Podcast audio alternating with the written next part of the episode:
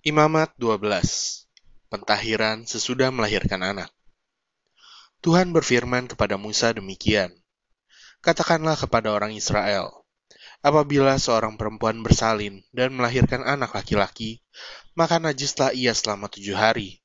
Sama seperti pada hari-hari ia bercemar kain, ia najis.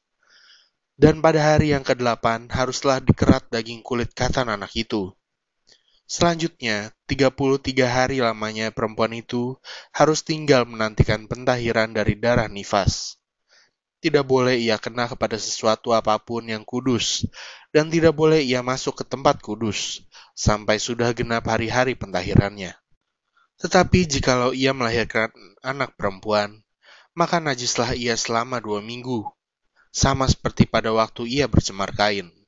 Selanjutnya 66 hari lamanya, ia harus tinggal menantikan pentahiran dari darah nifas.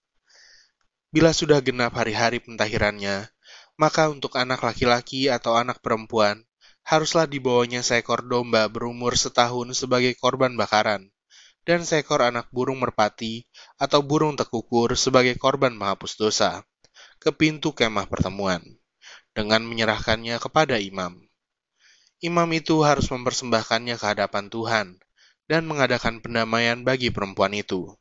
Demikianlah perempuan itu ditahirkan dari leleran darahnya.